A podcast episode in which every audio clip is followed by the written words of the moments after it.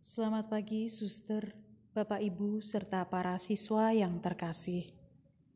Sebelum kita melaksanakan aktivitas kita pada hari ini, marilah kita hening sejenak. Kita renungkan sabda yang akan kita dengar.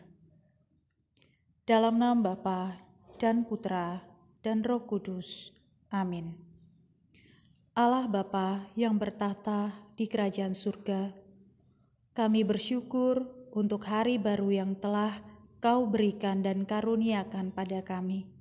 Kami bersyukur atas kesehatan tubuh, jiwa, dan roh kami, sehingga kami dapat beraktivitas. Bantulah kami bukan hanya menjadi perenung sabdamu, tetapi pelaksana firmanmu juga. Amin. Inilah Injil Yesus Kristus menurut Lukas. Dimuliakanlah Tuhan. Yohanes memanggil dua orang muridnya dan menyuruh mereka bertanya kepada Yesus, "Tuanku kah yang ditunggu kedatangannya, atau haruskah kami menantikan seorang lain?"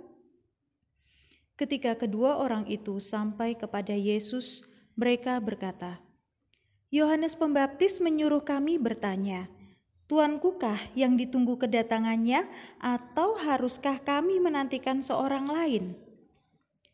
Pada saat itu, Yesus sedang menyembuhkan banyak orang dari segala penyakit dan penderitaan, dan dari roh-roh jahat. Dan Ia mengaruniakan penglihatan kepada banyak orang buta. Maka Yesus menjawab, Pergilah dan katakanlah kepada Yohanes apa yang kalian lihat dan kalian dengar. Orang buta melihat, orang lumpuh berjalan, orang kusta menjadi tahir, orang tuli mendengar, orang mati dibangkitkan, dan kepada orang miskin diberitakan kabar baik. Dan berbahagialah orang yang tidak menjadi kecewa dan menolak aku. Demikianlah Injil Tuhan. Terpujilah Kristus. Suster, Bapak, Ibu, serta para siswa yang terkasih.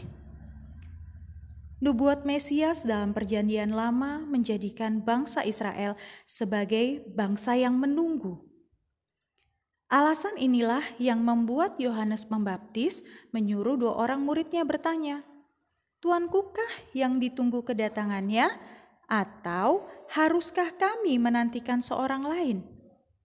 Nah, Yesus menjawab bagaimana? Yesus tidak langsung menjawab secara lugas, "Ya, saya bukan."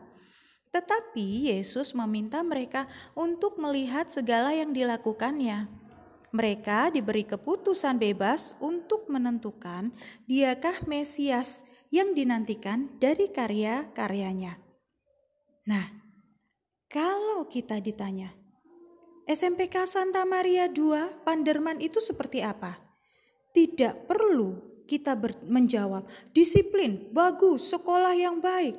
Jawablah, lihatlah saya.